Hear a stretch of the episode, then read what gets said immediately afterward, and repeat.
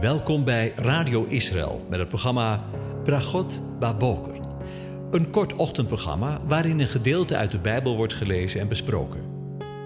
Met Bragot Baboker wensen onze luisteraars zegeningen in de ochtend.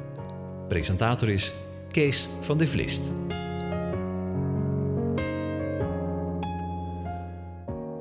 Bokatov, goedemorgen beste luisteraars. Vanmorgen denken we weer een keer na over Psalm 90 en ik lees het dertiende vers nog een keer aan je voor. Keer weer, ene, tot wanneer? Heb deernis over wie u dienen. Vanmorgen wil ik nog een keer nadenken over de terugkeer of de wederkomst van de Messias. 1 Petrus 1, vers 3 tot 5, daar lezen we een gedeelte over de hoop van de zaligheid.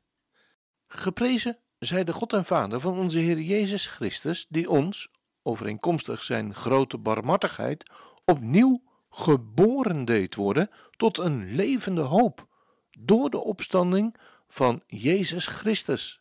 En in het Hebreeuws staat daar Yeshua HaMashiach, uit de doden tot een onvergankelijke, onbevlekte en onverwelkbare erfenis, die in de hemelen bewaard wordt voor u u immers door de kracht van God bewaakt door het geloof tot de zaligheid die gereed ligt om geopenbaard te worden in de laatste tijd. De nieuwtestamentische bruid heeft ook een absolute zekerheid dat haar bruidegom zal terugkomen. Yeshua beloofde de trooster totdat hij zou terugkomen.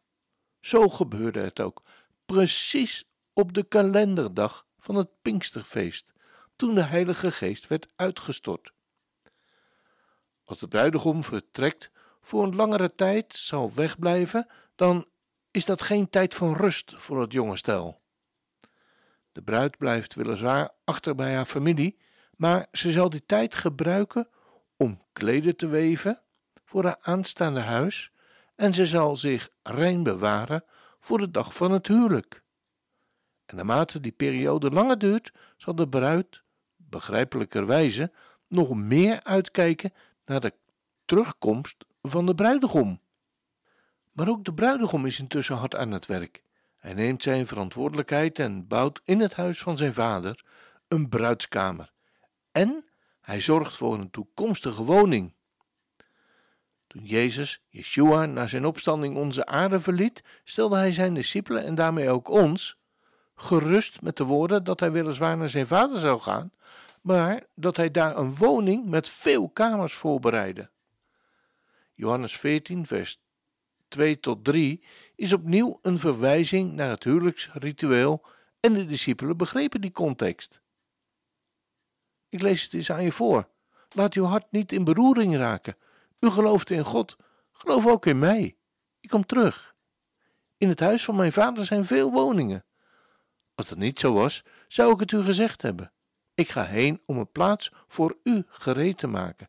En als ik heen gegaan ben en plaats voor u gemaakt heb, kom ik terug en zal u tot mij nemen, opdat ook u zult zijn waar ik ben. De bruid weet het zeker. Haar bruidegom zal terugkomen. Tien dagen na zijn hemelvaart ontvingen ze de trooster als geschenk en onderpand. De Heilige Geest zou ervoor zorgen dat de bruid eeuwenlang apart gezet, geheiligd zou blijven voor hem. Net zoals de bruid voor de bruidegom. En rondom de eerste komst van Christus werden alle voorjaarsfeesten door hem vervuld. Vanaf dat moment wachten we nog op de vervulling van de drie najaarsfeesten. En dus ook op de vervulling van de hierna volgende gebeurtenissen in het huwelijksritueel. Want weet de bruidegom niet wanneer hij terugkomt? Yeshua vertelde zijn discipelen dat alleen de vader van de dag afwist, niet de engelen en ook de zoon niet. Dat lijkt in tegenspraak met de Bijbeltekst dat de vader en de zoon één zijn. Maar het wordt veel duidelijker als je de woorden van Yeshua aan zijn discipelen leest binnen de context van het huwelijksritueel. Immers, het huwelijk is een door God zelf ingesteld verbond.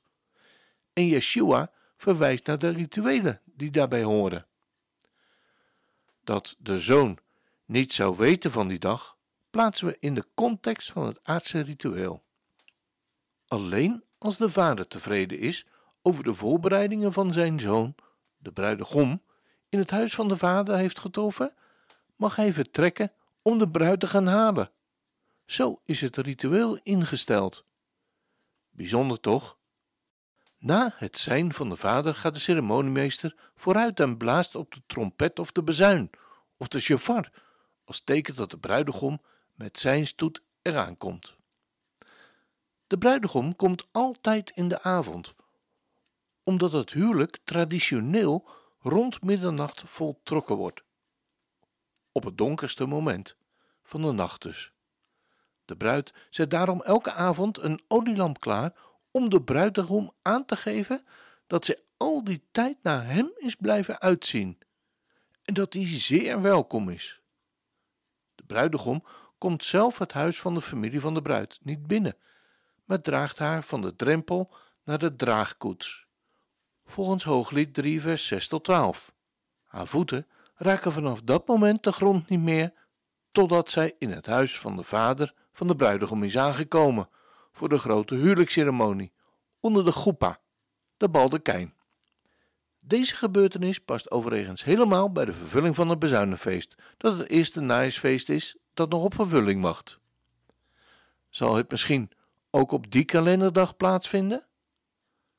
Na de huwelijksplechtigheid verblijft het nieuwe bruidspaar eerst zeven dagen in de bruiloftkamer als start van het huwelijksverbond. Na die tijd treden zij naar buiten voor het grote bruiloftsmaal met de genodigden.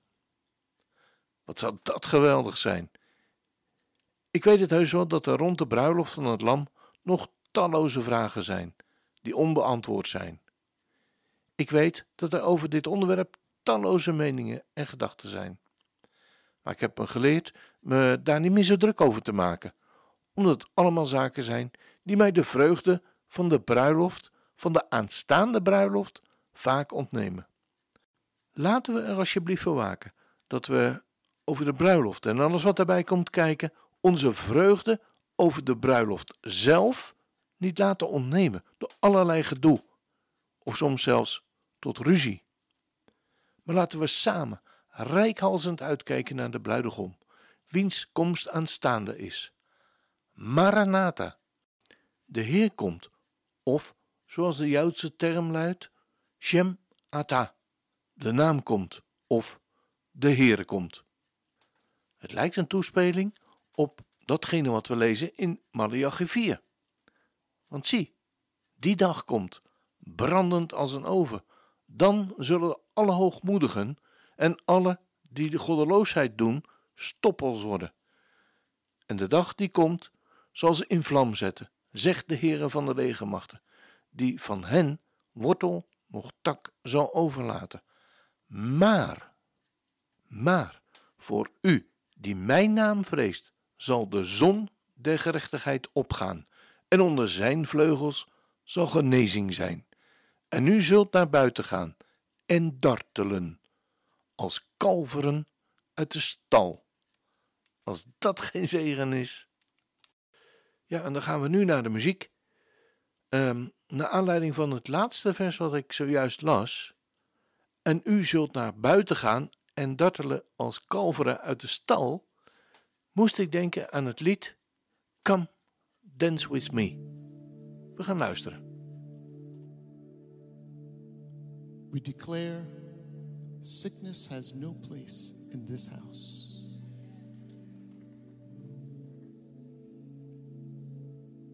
Division, dissension, you must go now.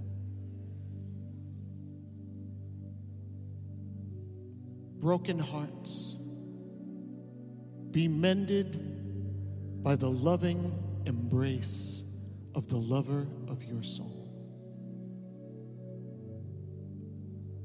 Cancer, go now in Yeshua's name. blind eyes open, deaf ears be unstopped.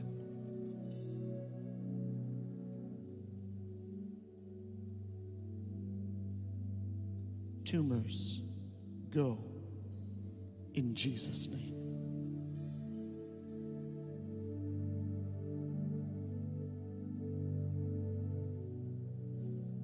Yeshua said, I've come to do the will of him who sent me, and I only do what I see my Father do.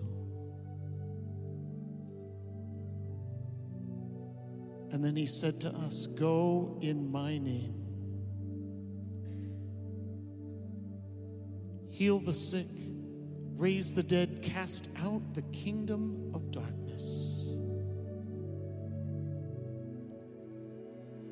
Lord, we declare in this place tonight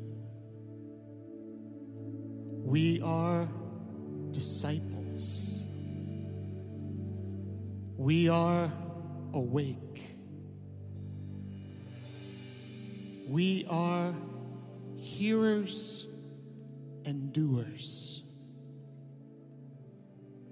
That you would be glorified and that the name above every name will be seen and heard and honored.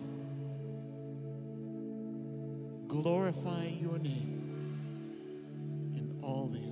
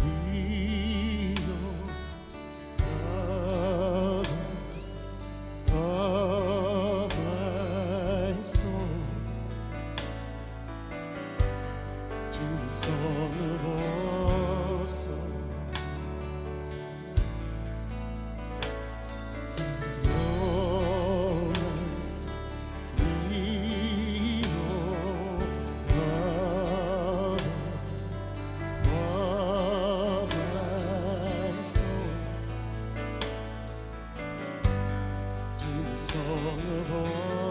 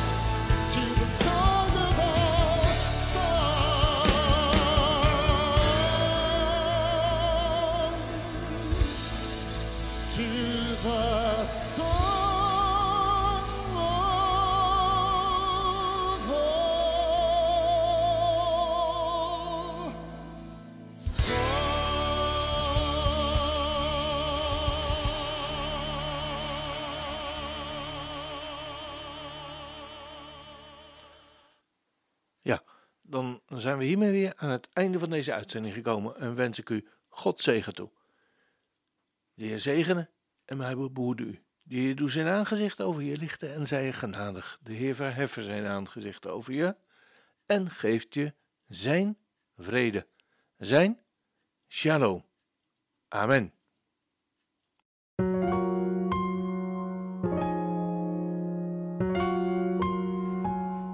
U hebt geluisterd naar het programma Bragot Baboker. Een kort ochtendprogramma waarin een gedeelte uit de Bijbel wordt gelezen en besproken. Wilt u het programma nog eens naluisteren, dan kan dat. Ga naar radioisrael.nl en klik onder het kopje radio op Uitzending gemist.